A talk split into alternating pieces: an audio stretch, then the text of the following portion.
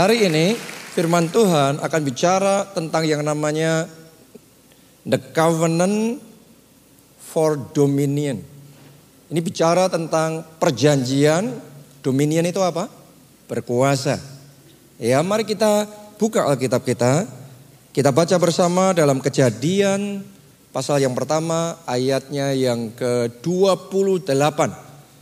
Ini adalah kisah awal ketika baru saja Tuhan menciptakan manusia. Setelah itu Tuhan langsung menyampaikan. Ini perkataan pertama, ini adalah hal yang pertama, ini instruksi yang pertama yang Tuhan berikan kepada manusia pada saat kejadian. Yang kita akan baca ini Genesis ya. Kejadiannya manusia itu ketika kita dijadikan, ketika kita diciptakan, ketika kita dibangun oleh Tuhan, apa yang ada di benak Tuhan untuk saudara dan saya. Mari kita baca kejadian 1 ayat 28. Allah memberkati mereka, lalu Allah berfirman kepada mereka, beranak cuculah dan bertambah banyak, penuhilah bumi dan taklukkanlah itu. Terus kemudian kata berikutnya itu yang saya mau garis bawahi, apa itu? Ditulis di sana berkuasalah. Coba semuanya katakan berkuasalah. Lebih keras katakan berkuasalah. Paling keras katakan berkuasalah. Ditulis di sini berkuasalah atas ikan-ikan di laut dan burung-burung di udara dan atas segala binatang yang merayap di bumi.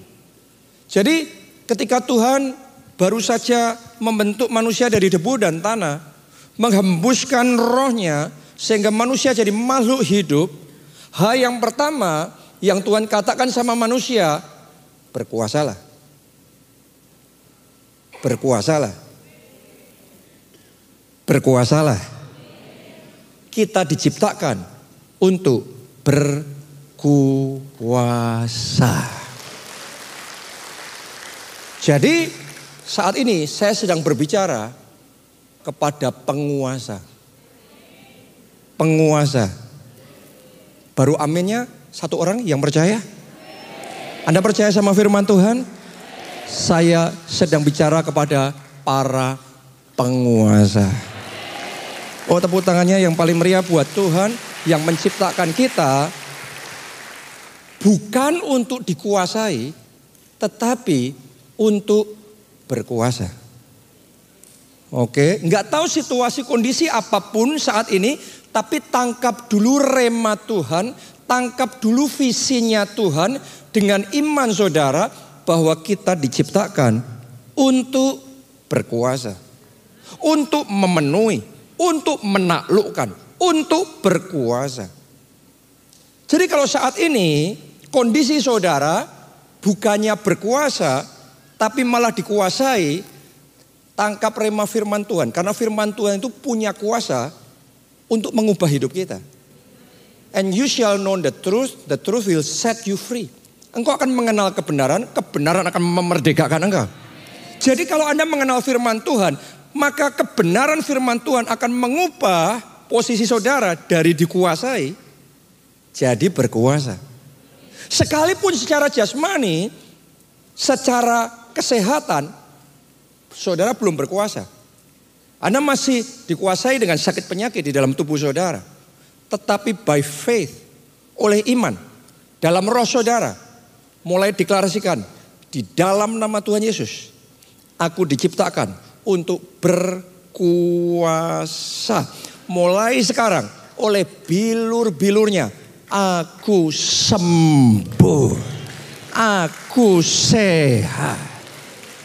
Oke, kenapa itu perlu Anda lakukan? Karena yang terjadi dalam alam roh itu yang akan dimanifestasikan kita alami secara jasmani.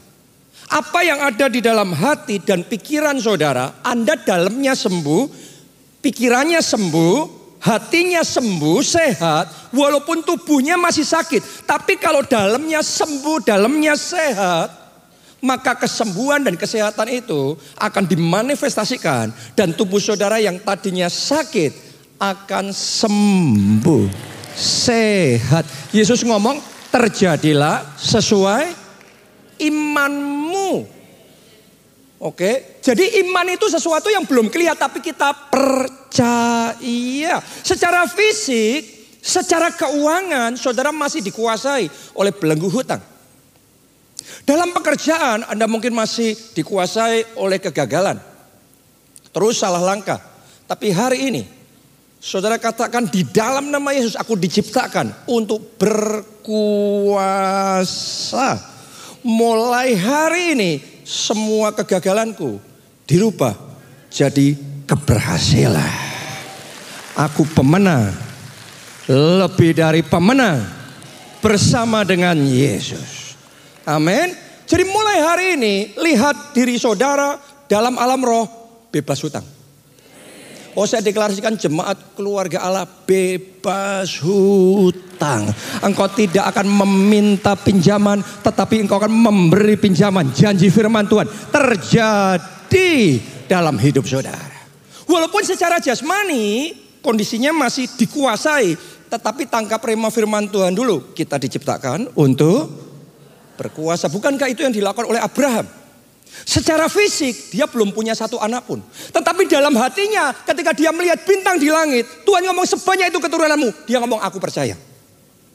Dan karena hatinya percaya secara fisik dia belum punya anak. Tapi dalam hatinya dia melihat aku bapak banyak bangsa. Dalam pikirannya dia berkata aku bapak banyak bangsa.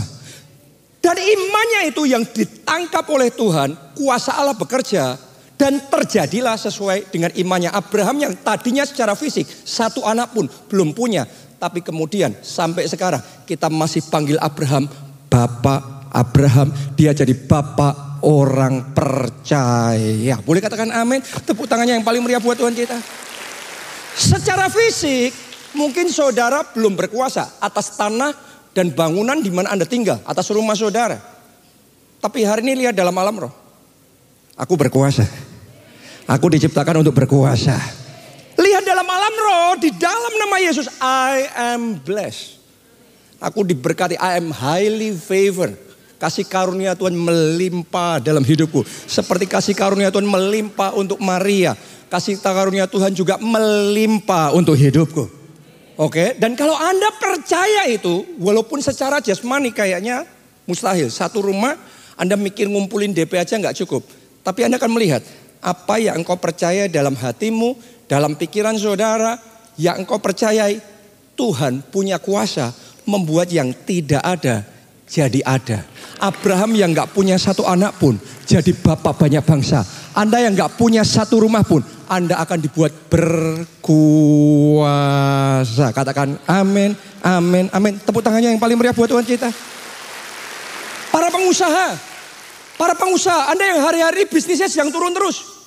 Turun terus, parameternya turun terus, ordernya turun terus. Secara jasmani itu realita Anda. Tapi jangan sampai pikiran saudara juga ikut turun. Hati saudara ikut turun. Ya, masih ingatkah saudara minggu lalu firman Tuhan, ayat firman Tuhan. Sekalipun tubuh Abraham menjadi sangat lemah. Tetapi imannya tidak turut menjadi lemah. Malah ia diperkuat dalam imannya. Jadi mulai hari ini parameter keuanganmu mungkin turun, orderanmu semuanya mungkin turun.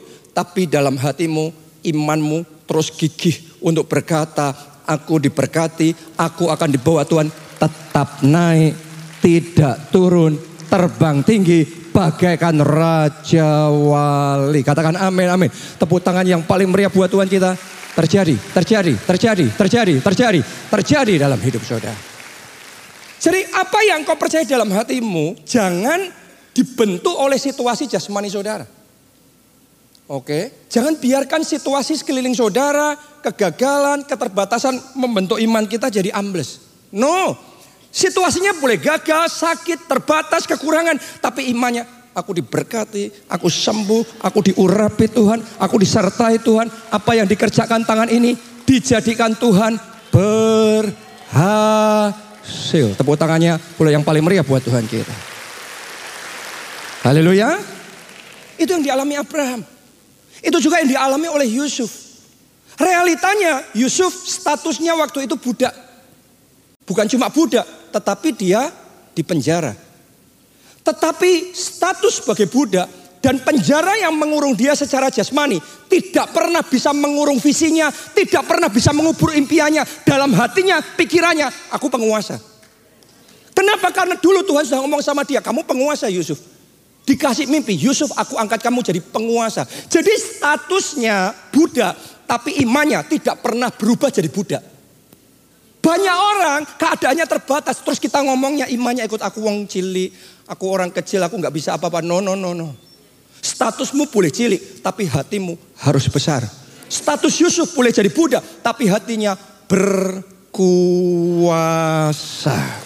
Dan seturut dengan imannya itu terjadi. Yusuf dari yang tadinya budak, Yusuf yang tadinya di penjara, tetapi imannya, impiannya, penguasa itu yang dia percaya, itu yang dia pegang dan Tuhan kerjakan itu dalam hidupnya. Saya ajak saudara untuk percaya bahwa bersama Tuhan bukan kita diubah, ditentukan, dipengaruhi oleh situasi kita, tapi kita yang mengubah situasi kita. Amin. Anda masih ingat bulan yang lalu ya? Bulan yang lalu, waktu saya datang ke Solo ini saya cerita sama saudara, ya. Saya sengaja suruh pasang spanduk-spanduk di kota Solo. Nah, Anda jadi saksinya. Saat dunia ngomong, saat tokoh-tokoh besar ngomong, bumi dalam kegelapan. Semuanya gelap, 2023 gelap, gelap, gelap, gelap. Tapi kita pasang standu. Anda kan lihat ya, saksinya semuanya tahun super terang. Berapa saat kemudian saya baca pemerintah presiden kita ngomong, oh ternyata yang kita takutkan tidak terjadi. Kegelapan dirubah jadi terang. Boleh katakan amin, amin. Tepuk tangan yang paling meriah buat Tuhan kita. Saya masih ingat ketika pertama kali saya memulai gereja kita di Jogja dan pada waktu itu memulai di kos-kosan satu kelompok sel. Tetapi kalau saya setir di Jogja, di jalan raya kota Jogja ngelihat gedung-gedung besar di situ, saya selalu tunjuk dalam nama Yesus gereja kita. Gereja kita besar kayak gitu, gereja kita besar kayak gitu. Dan setelah beberapa saat, apa yang saya perkatakan, Tuhan kerjakan. Coba suara renungkan itu. Walaupun waktu berkata-kata itu, Kayaknya impossible banget. Gak mungkin sekali. Tetapi setelah itu terjadi. Ya saya masih ingat juga waktu di Jakarta. Saya waktu itu sama istri saya, sama mertua saya, Pak Arif dan Bu Arif. Ya, saya ajak mereka makan di satu area yang namanya Pantai Indah Kapuk. Dan saya ngomong waktu itu sama mereka, ada saksinya kan Pak Arif Bu Arif di sini. Ya saya ngomong kalau saya mau punya tempat, saya kepengen punya tempat di PIK. Waktu itu saya ngomong begitu. Yang waktu saya perkatakan, saya tidak membayangkan sampai jadinya seperti sekarang. Tapi yang kita percaya Tuhan pegang itu dan dengan caranya yang ajaib Tuhan yang membuat. Yang tidak ada, jadi ada. Jadi situasimu boleh nothing, tapi engkau harus percaya something. Oke? Ada di tempat ini, saudara yang mungkin sudah menikah sekian tahun tapi belum punya anak. Miliki iman seperti Abraham. Lihat, Tuhan berkati saudara dengan anak mujizat, dengan anak yang terbaik. Tangkap itu katakan amin. Ayo kita kasih tepuk tangan yang paling meriah buat Tuhan kita. Waktu kita ke Nigeria, waktu saya sama Pak Obaca ke Nigeria kita kaget karena kok bisa gereja sampai dalam skala seperti itu. Mereka gereja itu saudaraku punya wilayah 50 ribu hektar. Itu kayak nggak kebayang. Kota Solo ini 4 ribu hektar. Tapi wilayah gereja itu tanahnya 50 ribu hektar. Berarti lebih dari 10 kali dari total seluruh wilayah kota Solo. Coba anda renungkan itu. Kok bisa? Nggak mungkin. Tapi itu yang terjadi. Banyak orang cuma berhenti sampai di situ. Tapi saya sama Pak Obaja, kita tangkap itu. Dan kita perkatakan, kalau Tuhan bisa lakukan di Nigeria, Tuhan juga bisa lakukan di Indonesia. Kalau Tuhan bisa kerjakan di gereja itu, Tuhan bisa kerjakan di gereja kita. Oke, dan setelah itu saya ajak Pak Obaja, Pak, ayo kita putar-putar kota Solo. Loh kenapa? Kita ke utara, selatan, timur, barat, doa keliling setiap tempat yang diinjak telapak kaki kita. Tuhan berikan. Waktu kita ngomong itu kita kayak orang konyol karena kenyataannya nggak mungkin. Karena kenyataannya impossible, nggak bisa. Tapi ternyata dengan caranya yang ajaib, Belum sampai seperti yang di Nigeria karena semuanya dalam proses. Ya, tapi dalam skala tertentu Tuhan mulai kerjakan yang tadinya tidak terbayangkan dan oleh sekarang karena kasih karunia Tuhan, Tuhan anugerahkan tanah 20 hektar di Gondang Rejo karena kemurahan Tuhan. Tepuk tangannya pula yang paling meriah buat Tuhan kita. Yang tadinya tidak kebayang untuk gereja di Indonesia itu kayak nggak mungkin, impossible. Tapi sekarang jadi realita. Akan banyak hal-hal yang tidak mungkin dalam hidup saudara. Tapi hari ini engkau tangkap prima firman Tuhan. Aku diciptakan untuk berkuasa. Terjadi dalam hidup saudara. Terjadi dalam hidup saudara. Terjadi dalam hidup saudara. Mari kita baca 1 Petrus 2 ayat yang ke-9. Tetapi kamulah.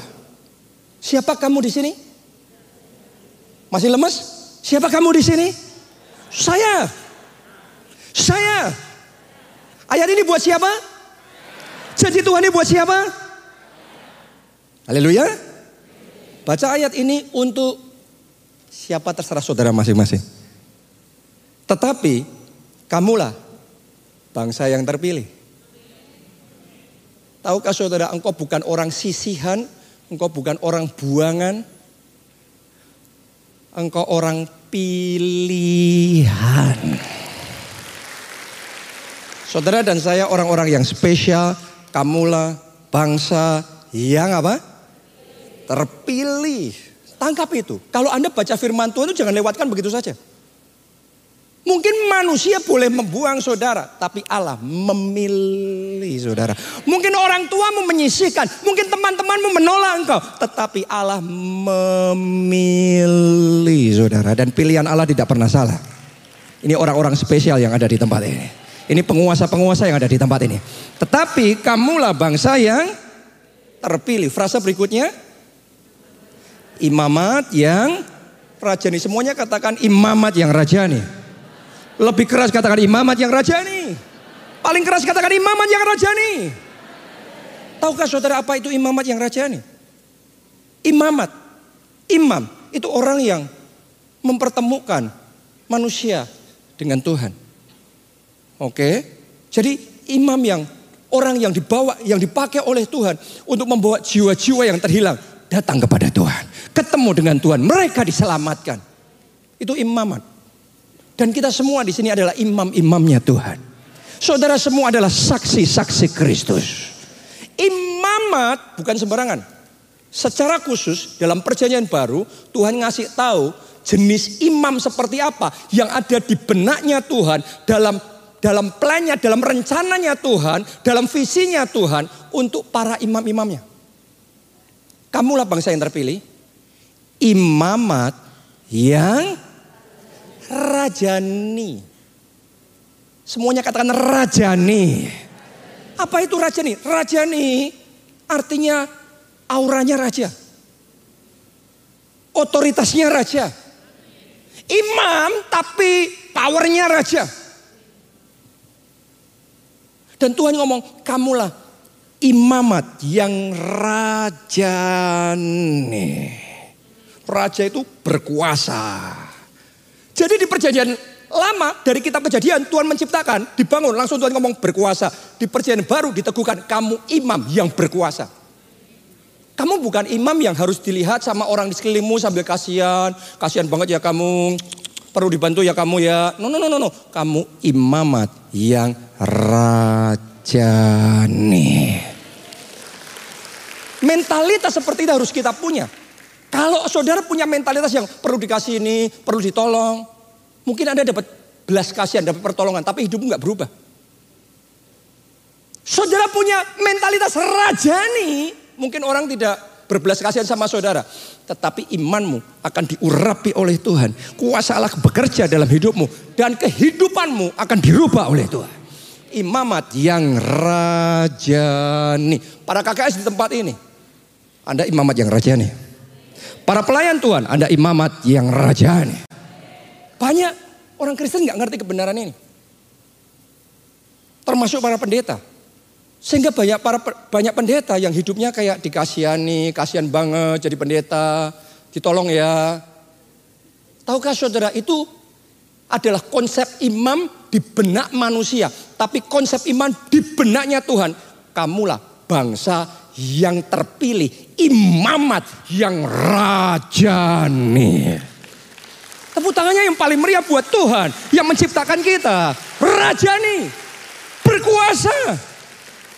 Jadi mulai hari ini jangan memandang diri terlalu rendah, jangan memandang diri terlalu kecil. Seperti Yusuf tadi saya katakan, posisinya di bawah, budak di penjara, tapi aura rajanya tetap ada.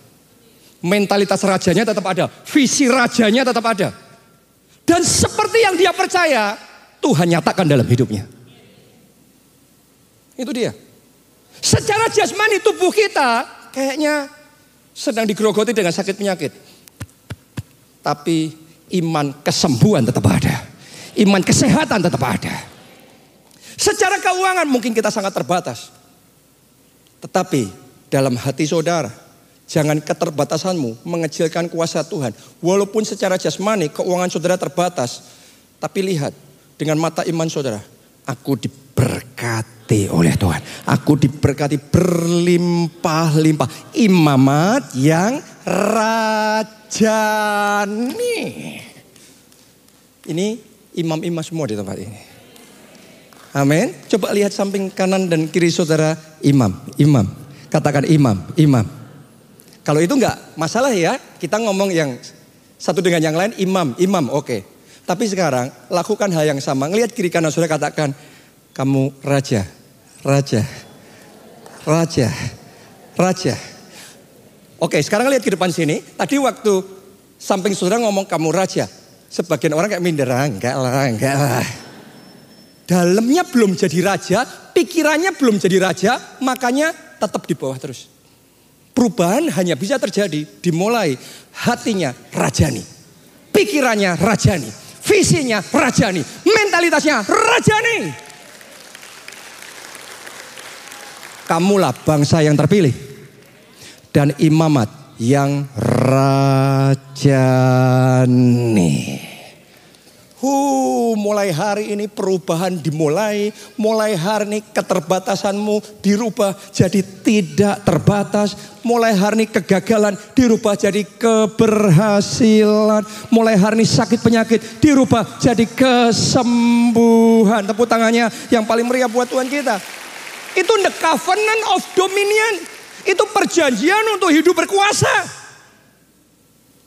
Jadi orang Kristen itu bukan orang Rendah hati itu bukan berarti tidak berkuasa. Anda bisa berkuasa dan rendah hati. Anda bisa tidak berkuasa dan sombongnya minta ampun. berkuasa ya berkuasa. Rendah hati ya rendah hati. Jadi saya berdoa, saudara berkuasa. Saya berdoa, saudara juga rendah hati. Haleluya. Tapi berkuasa dari sejak kejadian Tuhan membentuk kita dari debu tanah langsung ngomongnya berkuasa kamu. Talukanmu bumi Penuhi itu. Wow. Di perjanjian baru kamu bangsa yang terpilih. Imamat yang rajani. Itu yang dibenak Tuhan. Orang Kristen tidak seharusnya dikasihani. Orang Kristen harusnya memancarkan kemuliaan Allah. Itu imamat yang rajani. Nah sekarang pertanyaannya, siapa di sini yang mau hidup sebagai imamat yang rajani itu? Siapa yang mau hidup di dalam covenant of dominant itu? Punya otoritas ilahi untuk berkuasa itu. Saya mau bagikan sama saudara. Yang pertama, dimulai dari lahir baru di dalam Kristus. Waktu saudara percaya Yesus sebagai Tuhan dan Juru Selamat, terima dia dalam hatimu, engkau lahir baru. Nah, lahir baru itu bukan sekedar menghindari neraka, terus kemudian masuk surga. Yes, tentunya itu betul, tapi itu hanya sebagian kebenarannya. Tahukah saudara, lahir baru, terima Yesus. Artinya Anda dikasih tiket untuk hidup berkuasa. Yes, mari kita baca. Efesus 1 ayat 18 sampai 21. Dan supaya ia menjadikan mata hatimu terang. Semuanya katakan mata hatiku terang. Itu penting loh. Kalau mata hatinya sudah gelap melihatnya aku sumpek, badanku sakit-sakitan, aku orang gagal, aku selalu sial. Itu mata hatinya gelap. Yusuf boleh dipenjara, dia boleh jadi budak, tapi mata hatinya terang. Aku penguasa. Itu mata hati. Beda sama mata jasmani. Mulai hari ini dalam nama Yesus, mata hatimu diurapi oleh Roh Kudus jadi terang. Yang engkau lihat jadi terang. Visi dalam hidupmu jadi terang. Amin. Supaya ia menjadikan mata hatimu terang agar kamu mengerti. Kalau enggak terang enggak mengerti. Hanya yang terang agar kamu mengerti pengharapan apakah yang terkandung dalam panggilannya. Seperti apa kalau orang itu terima Yesus sebagai Tuhan dan Juru Selamat? Lihat nih. Apa yang terkandung di dalam kelahiran baru. Terima Yesus itu apa yang terkandung dalamnya? Betapa kayanya kemuliaan bagian yang ditentukannya bagi orang-orang kudus. Anda coba lihat tadi, betapa kayanya kemuliaan bagian yang ditentukannya bagi orang-orang kudus. Betapa kayanya kemuliaannya. Itu kalau orang Solo ngomongnya suge. Pol. Mantep Pak ya. itu bukan cuma orang kaya. Sugih tenan. Seperti itu, bahkan lebih dari itu. Alkitab ngomong, kalau engkau punya Yesus dalam hatimu, engkau lahir baru dalam Yesus Kristus. Betapa kayanya kemuliaannya yang disediakan bagi orang-orang kudus. Artinya ada destiny besar dalam hidup saudara. Ada rencana Tuhan buat masa depan saudara. Amin. Jenis kehidupan kayak gitu. Lanjutkan lagi. Ayat 19. Dan betapa hebat kuasanya bagi kita yang percaya. Kuasanya akan hebat kalau engkau percaya. Kalau engkau nggak percaya ya aku kan kenyataannya gagal. Aku kan nggak punya anak. Aku sudah doa minta jodoh yang nggak pernah dikasih Tuhan. Kalau engkau nggak percaya, kuasa Tuhan yang hebat tidak akan dimanifestasikan dalam hidupmu. Tapi buat Anda yang percaya, saya mau sampaikan berita baik buat saudara. Kuasanya yang hebat akan dikerjakannya dalam hidup saudara. Amin sesuai dengan kekuatan kuasanya yang dikerjakannya di dalam Kristus dengan membangkitkan dia dari antara orang mati dan mendudukkan dia di sebelah kanannya di surga. Perhatikan ayat 21, jauh lebih tinggi dari segala pemerintah dan penguasa dan kekuasaan dan kerajaan dan tiap-tiap nama yang dapat disebut bukan hanya di dunia ini saja, melainkan juga di dunia yang akan datang. Jadi pengharapan di dalam Yesus bukan hanya buat di dunia yang ini saja, tetapi juga di dunia yang akan datang. Berarti cuma satu apa dua-duanya? Dua-duanya. Bukan cuma di dunia yang akan datang, tetapi juga di dunia ini. Banyak orang Kristen terima Yesus sebagai Tuhan dan Juru Selamat. Dan nunggu suatu saat nanti masuk surga. Di dunia akan datang. Tapi saya punya berita baik buat saudara. Kalau ada Yesus dalam hatimu. Di dunia ini surga sudah dimulai. Ya saat ini juga surga dimulai. Amin. Itu terima Yesus yang benar kayak gitu. Mulai hari ini hidupmu nggak lagi kayak neraka.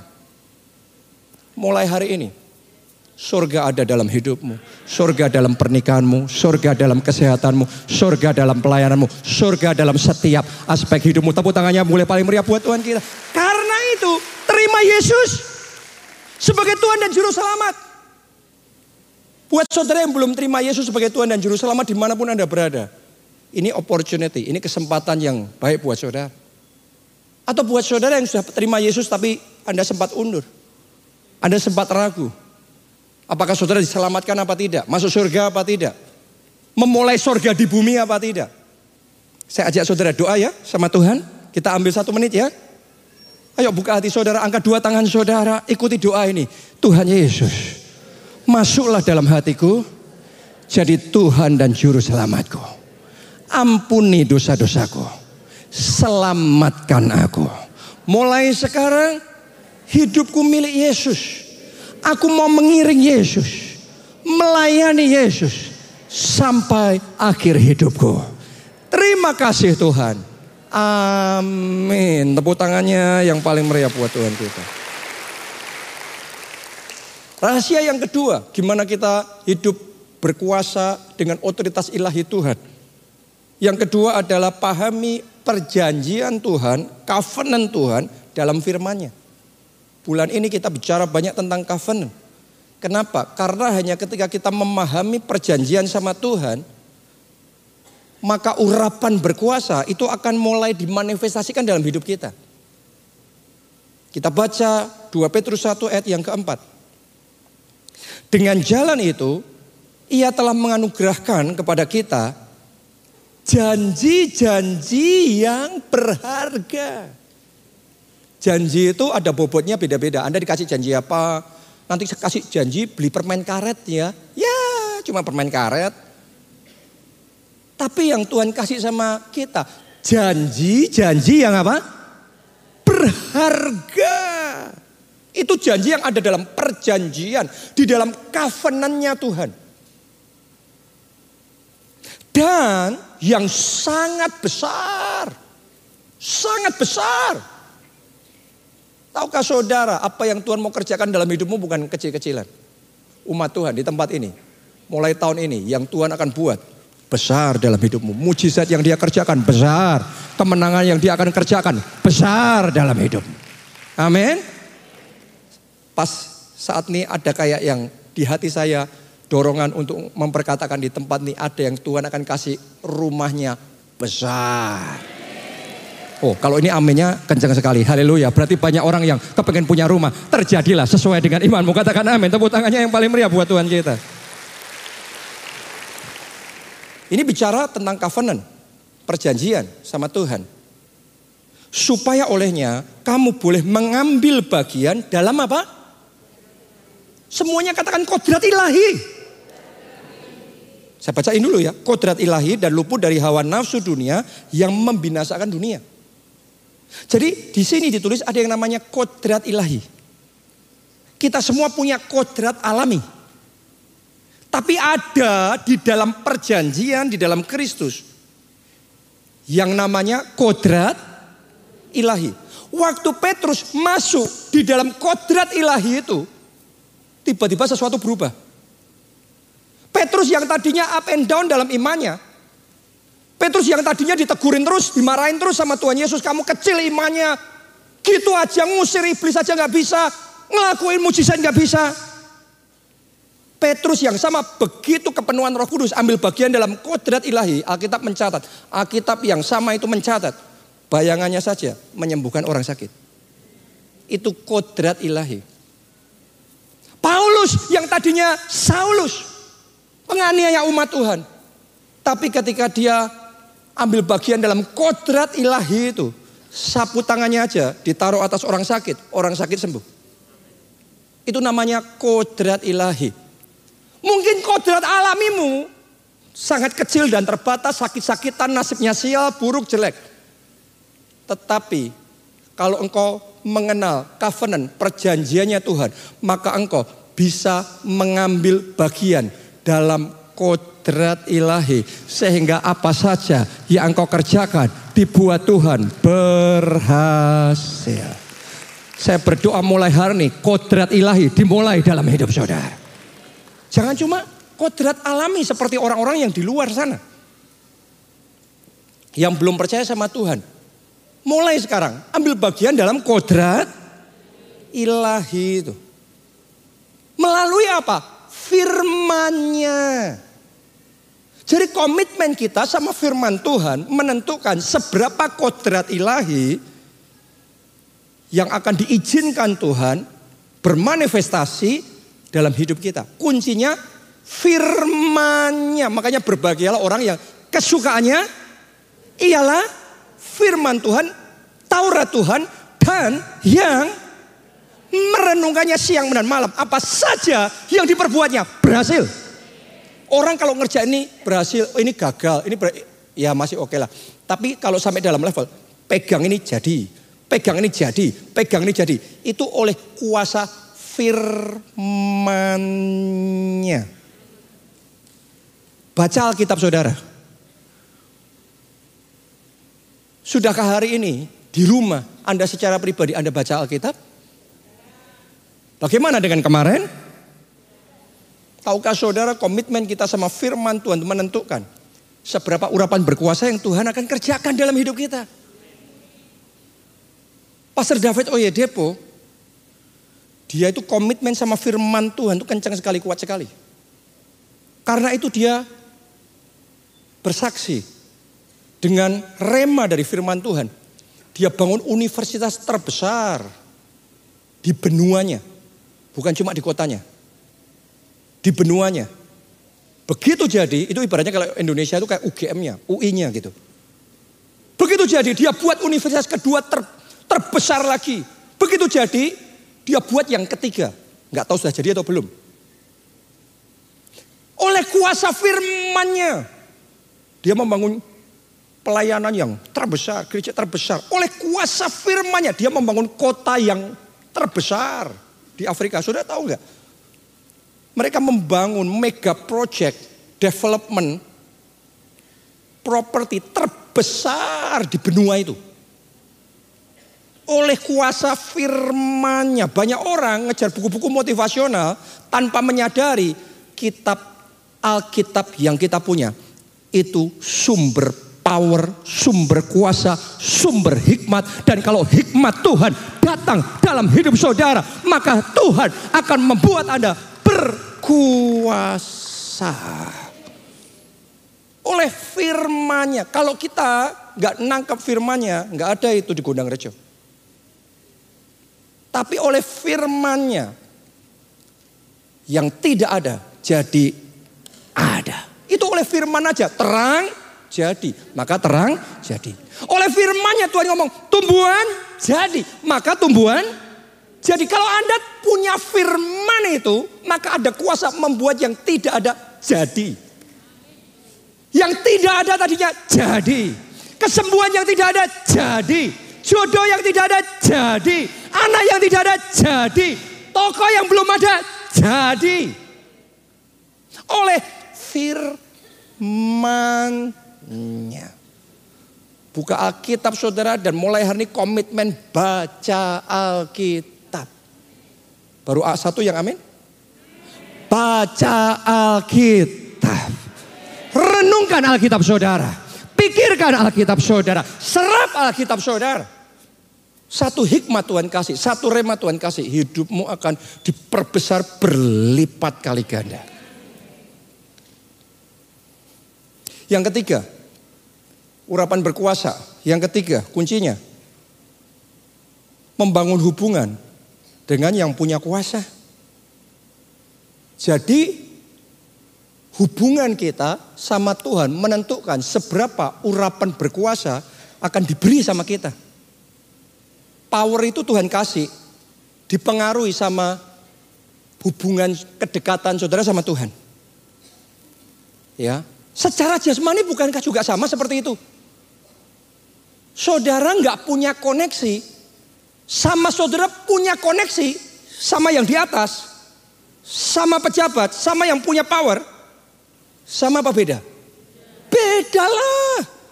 Anda punya koneksi ke balai kota dan tidak punya koneksi, beda lah. Anda punya koneksi ke jenderal, ke menteri dan tidak punya, beda. Anda cari kerja, Anda direkomendasi oleh koneksi yang powerful sama tanpa rekomendasi, beda. Secara jasmani gitu, lebih dari itu. Secara rohani, secara ilahi. Tuhan akan kasih powernya sama orang yang dekat sama dia.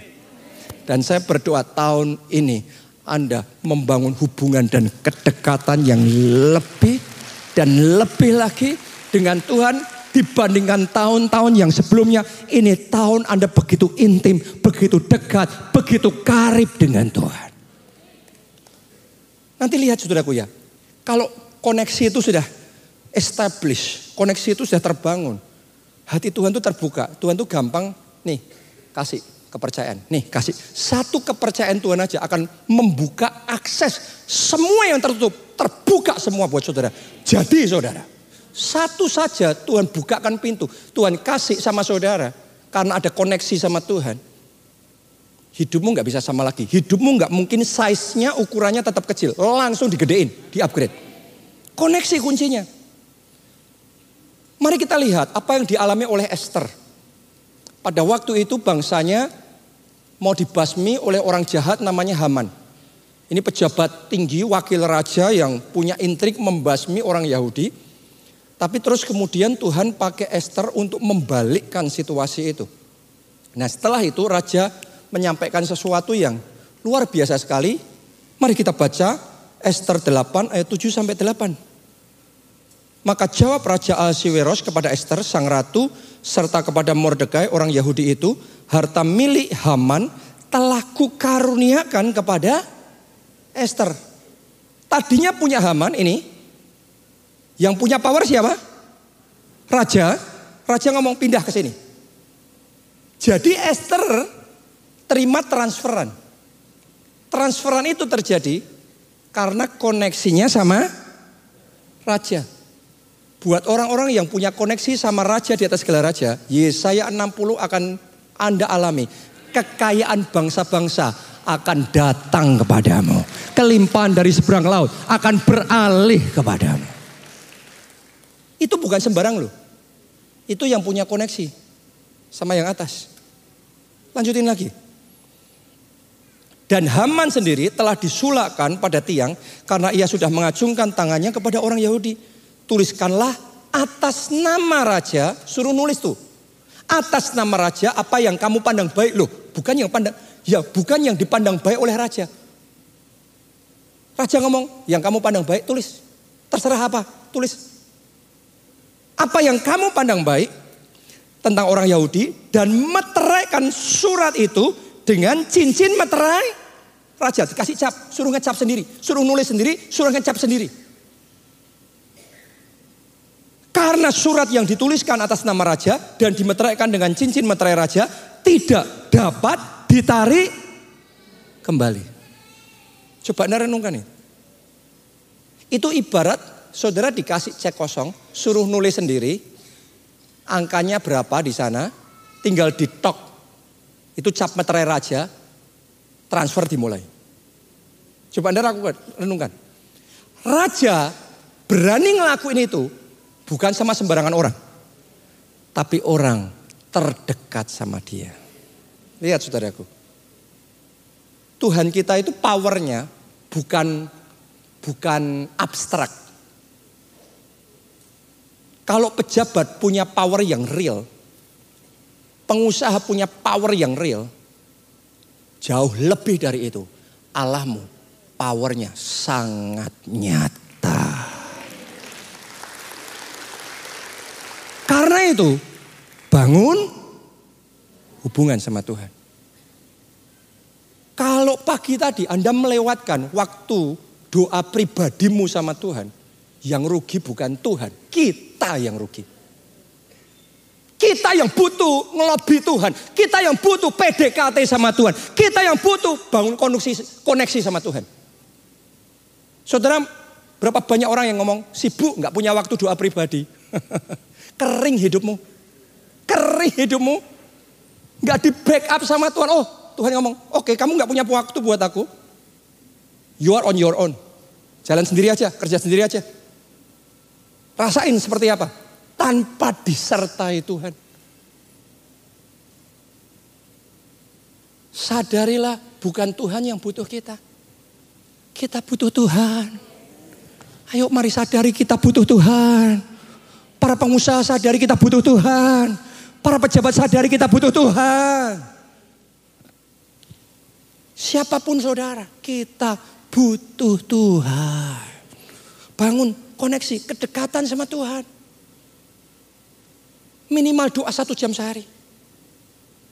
Lebih dari itu dua jam, tingkatkan. Tiga jam, bangun kedekatan sama Tuhan. Waktu pribadi. Lanjutin yang keempat. Hidup dalam kerendahan hati dan ketaatan. Kita baca Filipi 2 ayat 8 sampai 10. Dan dalam keadaan sebagai manusia, ia telah merendahkan dirinya dan taat sampai mati. Lihat ini, rahasianya Yesus kenapa begitu berkuasa. Ia telah merendahkan dirinya dan taat sampai mati, bahkan sampai mati di kayu salib. Itulah sebabnya. Karena itu tadi, bukan yang lain. Karena merendahkan diri dan taat sampai mati. Itulah sebabnya Allah meninggikan dia. Jadi ternyata yang ditinggikan oleh Allah itu bukan sembarangan. Bukan, pokok saya mau ditinggikan, amin. Bukan kayak gitu. Tapi yang ditinggikan oleh Allah, lihat Yesus, yang merendahkan diri dan taat, bahkan taat sampai mati. Lihat, nggak sembarangan promosi dari Tuhan itu covenant perjanjian. Yesus pun harus melalui itu merendahkan diri dan taat sampai mati. Ada banyak orang disuruh taat, asah mau-mau kita sendiri. Nggak dapat saudara. Karena Yesus merendahkan diri dan taat sampai mati. Ditulis, itulah sebabnya yang itu loh. Itu kamu ngeliat itu. Itulah sebabnya Allah sangat meninggikan dia dan mengaruniakan kepadanya nama di atas segala nama. Supaya dalam nama Yesus bertekuk lutut segala yang ada di langit dan yang ada di atas bumi dan yang ada di bawah bumi. Kerendahan hati dan ketaatan kita akan menyebabkan Allah meninggikan kita. Makanya cari terlebih dahulu kerajaan Allah dan kebenarannya. Maka semuanya ditambahkan kepadamu. Cari kerajaan Allah dulu, utamain kerajaan Allah dulu. Banyak yang mikir urusan sendiri-sendiri dulu kan. Waktu pribadi dulu kan, happy dulu sendiri kan. Enak sendiri dulu kan. Nggak dapet. Karena Tuhan ngomongnya cari dulu kerajaan Allah. Bersaksi dulu, selamatkan jiwa dulu, kembangin kerajaan Allah terlebih dahulu. Dan Yesus ngomong gini, maka semuanya ditambahkan kepadamu. Itu covenant, itu deal. Ayo kita buat perjanjian.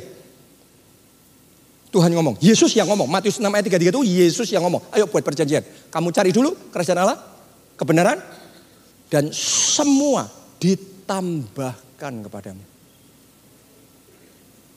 Akan ada orang-orang di tempat ini mulai hari ini berhenti doa diminta diberkati. Karena berkat itu otomatis ditambahkan kepadamu. Tanpa doa, tanpa minta itu ditambahkan tambahkan kalau Anda cari kerajaan Allah dan kebenarannya dulu. Bukan cari keurusan kita sendiri dulu, kepentingan kita, happy-nya kita dulu, enaknya kita dulu. Kerajaan Allah dulu, jadi saksi dulu, selamatkan jiwa dulu, melayani Tuhan dulu, perluas kerajaan Allah dulu. Yesus ngomong, maka semuanya ditambahkan. Dan Yesus merendahkan diri taat sampai mati melakukan semuanya itu. Karena itulah Allah meninggikan dia dan dikaruniakan nama di atas segala nama. Lihat saudaraku semuanya transfer ke Yesus. Makanya kerendahan hati itu akan menentukan sejauh apa urapan berkuasa Tuhan bisa kerjakan dalam hidup saudara. Yang kelima, secara waktu harusnya saya sudah selesai ya. Tapi terus saja ya. Oke, karena saya tahu di tempat ini ada orang-orang yang dalam ibadah ini hidup saudara sedang dirubah. Dimulainya sekarang. Perubahan itu dimulainya sekarang. Yang kelima, rahasia yang kelima untuk urapan berkuasa adalah berpuasa. Yuk puasa, puasa, puasa, puasa, puasa, puasa, puasa puasa lagi, puasa lagi, puasa lagi, puasa lagi. Karena berpuasa itu akan menarik kuasa Allah, menambahkan kuasa Allah untuk kita berperang dan menang. Waktu murid-muridnya mengusir setan, nggak bisa. Yesus ngomong, jenis yang ini hanya bisa melalui doa puasa. Berarti ada setan tertentu yang akan pergi. Ada kemenangan tertentu kita bisa dapat kalau kita puasa. Banyak orang kemenangannya kecil, banyak orang kemajuannya kecil. Kenapa? Karena tidak berpuasa. Jenis ini, jenis ini nggak bisa tanpa puasa. Nggak bisa tanpa puasa. Harus, Yesus ngomong harus melalui doa dan puasa. Kadang-kadang ada sebagian orang ngomong gini, wah saya takut bersaksi. Nanti kalau bersaksi malah diganggu iblis, diserang iblis, kita hidupnya malah kacau semua. Sebagian orang, wah saya nggak mau jadi KKS, ketua kelompok saya, saya nggak mau melayani, cari perkara sama iblis. Saya melayani malah dikacaukan oleh iblis. saya mau ngomong sama saudara gini, anda tidak cari gara-gara sama iblis, bukan berarti iblis tidak cari gara-gara sama saudara. Anda mau memerangi dia, ya Anda perang. Anda damai ya, damai ya, damai ya. Dia yang akan memerangi saudara. Kalau saudara nggak maju memerangi iblis, Anda ngumpet, Anda pokok cari damai aja, nggak cari gara-gara. Dia itu bu, iblis itu bukan jenis orang yang penuh kasih yang kalau kamu nggak cari gara-gara, dia nggak cari gara-gara. Ini pencuri, pembunuh, pembinasa. Dia cari mangsa empuk. Yang mana ini yang paling gampang dikerjain ini? Yang mana paling penakut ini? Nggak cari gara-gara sama iblis, saya yakinkan iblis yang akan duluan memerangi hidupmu. Dan waktu iblis yang datang memerangi engkau, kalau saudara yang diserang, Saudara terus kemudian berjuang mempertahankan diri. Kalaupun engkau menang, nggak dapat apa-apa karena engkau yang diserang. Tapi kalau engkau kalah, wilayahmu direbut sama iblis. Berkatmu direbut sama iblis. Beda ceritanya kalau kita yang maju. Kita yang cari gara-gara. Kita yang memerangi iblis. Kalau kita yang memerangi, kita belum menang, itu proses perjuangan. Tapi kalau kita menang, kita dapat wilayah baru kita naik level yang baru. Dan saudara dan saya dibawa Tuhan from glory to glory. Kemuliaan yang lebih besar lagi, yang lebih besar lagi, yang lebih besar lagi.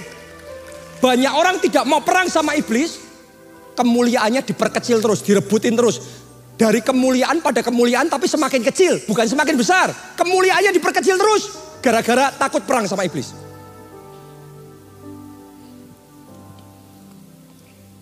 Tolong lihat bangsa Israel generasi pertama yang takut perang sama raksasa di tanah perjanjian. Apakah mereka dapat tanah perjanjian? Lihat endingnya mati di mati di padang gurun. Tapi buat generasi kedua yang nggak takut perang, ayo sini raksasa, ayo sini iblis, setiap jengkal tanah perjanjian. Ambil lagi, ambil lagi, rebut lagi, rebut lagi, rebut lagi. Diperbesar dari kemuliaan pada kemuliaan yang semakin besar. Jangan hindari peperangan rohani. Maju saudara, maju. Maju, mulai hari ini engkau maju bersaksi. Mulai hari ini engkau maju melayani Tuhan. Mulai hari ini engkau maju memerangi iblis. Karena saudara nggak sendiri. Ada Tuhan yang menyertai saudara. Ada Tuhan yang bersama dengan saudara. Dan bersama Tuhan engkau menang. Yang terakhir, yang keenam, kehausan dan kelaparan akan Roh Kudus. Seberapa kehausan dan kelaparan saudara akan Roh Kudus, sebesar itu kuasa yang Dia akan berikan dalam hidup saudara. Kenapa? Kisah 1 ayat 8, kamu akan terima kuasa kalau roh kudus turun ke atas kamu. Sama-sama kamu terima kuasa kalau roh kudus turun. Kalau Anda terima kepenuhannya sedikit, kuasanya kecil. Tapi kalau ada kelaparan rohani yang besar, untuk engkau terima roh kudus lebih lagi ya Tuhan. Maka kuasa yang akan diberikan dalam hidupmu besar. Kalau kuasamu besar, wilayahnya tambah luas. Dominnya tambah besar. Influence-nya tambah besar. Jadi berkatnya tambah besar. Kemenangannya tambah besar. Karena kuasanya tambah besar. Ditentukan dengan seberapa kepenuhan roh kudus yang kau alami. Janda Sarfat yang datang sama Nabi Elia minta tolong karena anaknya mau direbut dan dijual jadi budak itu karena berhutang. Elia ngomong, sediain tempayan, pinjem. Nanti yang kamu sediakan Tuhan isi. Kalau kita jadi janda sarfat itu kita mikir loh. Yang aku punya itu kan sedikit minyak dalam buli-buli. Cukup nggak memenuhi satu tempayan aja? Nggak cukup. Ini minyak dalam buli-buli untuk memenuhi satu tempayan aja jauh. Ngapain aku harus nyediain dua, tiga, tempayan satu aja cukup lah. Ya maksimal-maksimal dua lah. Saya mau ngomong sama saudara. Ketika kuasa Allah terjadi, mujizat terjadi yang tidak mungkin jadi mungkin, yang tidak ada jadi ada. Saya tanya, kalau dia sediakan cuma satu, satu tempayan itu penuh nggak dengan minyak? Penuh, tapi dapatnya cuma satu. Kuasa Tuhannya sama, tapi dapatnya dia cuma satu, sedikit. Kalau yang dia sediakan sedikit. Kalau dia sediakannya seribu. Dan kuasa Tuhan bekerja. Saya mau tanya, kuasa Tuhan cukup nggak menuin seribu? Cukup seribu penuh. Jadi kuasa Tuhannya sama, tapi yang membatasi bukan Tuhan. Yang membatasi kehausan dan kelaparan kita sendiri akan Tuhan. Yang membatasi iman kita sendiri sama Tuhan. Kalau saudara percayanya besar, maka seribu pun Tuhan penuhkan buat saudara. Karena tanpa kuasa Tuhan satu pun tidak penuh. Tapi dengan kuasa Tuhan seribu pun penuh. Lihat itu saudaraku. Makanya jangan pernah batasi Tuhan. Karena akan ada momennya. Tuhan tuh ngeliat. Oke, waktu minyakmu masih sedikit dibuli-buli waktu modalmu masih sedikit, kemenanganmu masih sedikit, omsetmu masih sedikit, kesehatanmu masih sedikit, kebahagiaanmu masih sedikit, berapa tempayan yang kau sediakan? Karena itu yang menentukan seberapa banyak engkau dipenuhi sama Tuhan. Dulu saya ini orang yang banyak berhutang. Jadi waktu itu saya ingat beli mobil kredit, beli handphone nyicil. Yes, beli rumah kredit, refinance. Sampai waktu di Jakarta, di tempat kita yang di mall, Soho Capital, kita beli satu lantai, itu kredit juga. Imannya saya, ya perlu kredit lah untuk itu bisa. Dan sesuai iman saya, jadi bisa juga. Tapi sampai di satu titik, waktu saya di Nigeria lihat, wih ini sebesar ini. Tanpa hutang. No, sama sekali. Debt free. Semua yang gede ini dibangun tanpa hutang. Sejak waktu itu saya nangkep, oh kalau saya nyediain tempayan cuma satu, ya dapat jadi juga tapi cuma satu. Tapi saya nyediain seribu, jadinya seribu. Saya mulai percaya, sekarang tanpa hutang jadi.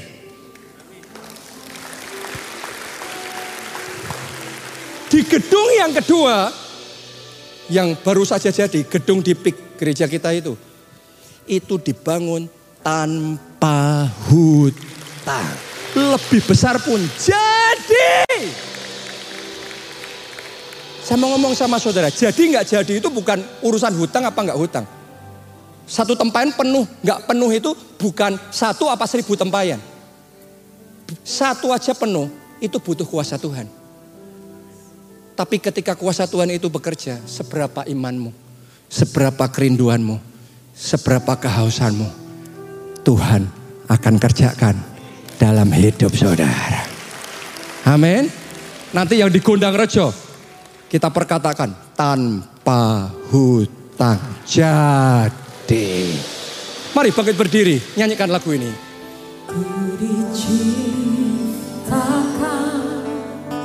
Untuk berkuasa ku dibangkitkan jadi pemenang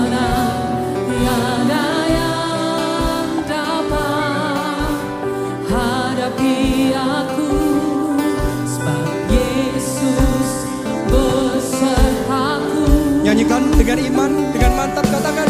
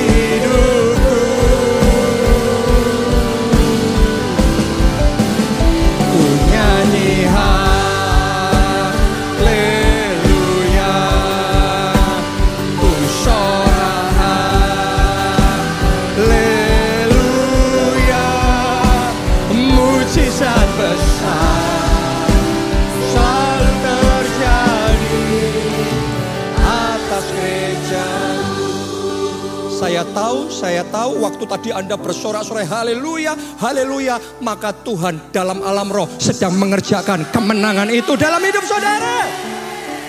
Karena butuh iman. Di saat Abraham tidak punya satu anak pun. Tetapi dia percaya. Aku bapak banyak bangsa. Butuh iman untuk Kaleb yang sudah berjuang puluhan tahun sampai tua. Tapi belum juga dapat satu meter persegi pun di tanah perjanjian. Untuk dia tetap percaya bahwa bagi Tuhan tidak ada yang mustahil. Kita diciptakan untuk berkuasa. Kita diciptakan rencana Tuhan. Kita menguasai tanah perjanjian. Pada puluhan tahun berjuang tidak juga bisa menguasai. Tetapi kenyataan itu tidak mengubah iman dalam hatinya. Pokok tetap berkuasa. Tanah perjanjian tetap milikku. Itu iman.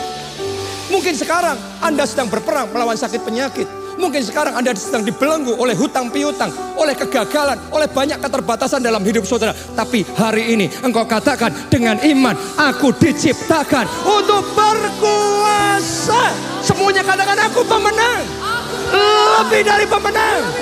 Di dalam nama Yesus, aku lakukan perkara-perkara yang besar. Ajaib. Bersama Yesus, tepuk tangannya yang paling meriah. Ku nyanyi haleluya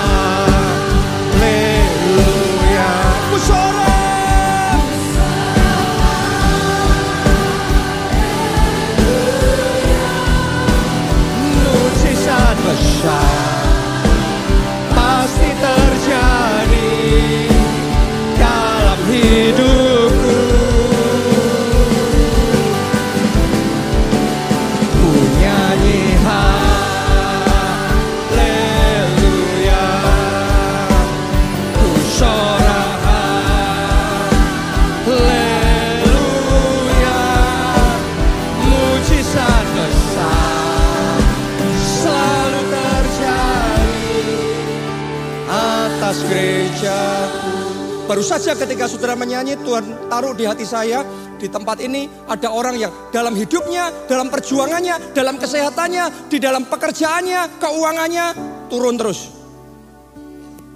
Terus turun. Parameternya turun terus. Tapi hari ini di saat realita turun terus seperti itu yang engkau lihat dan engkau alami dan hatimu sesak.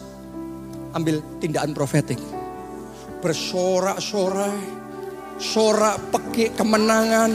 Tuhan berperang dan Tuhan memberikan kemenangan kepada saudara. Dan mulai hari ini katakan di dalam nama Yesus. Mulai sekarang aku tidak turun lagi. aku naik, tetap naik, tidak turun, terbang tinggi bersama Yesus. Suara-suara yang paling meriah. Ku nyanyi haleluya.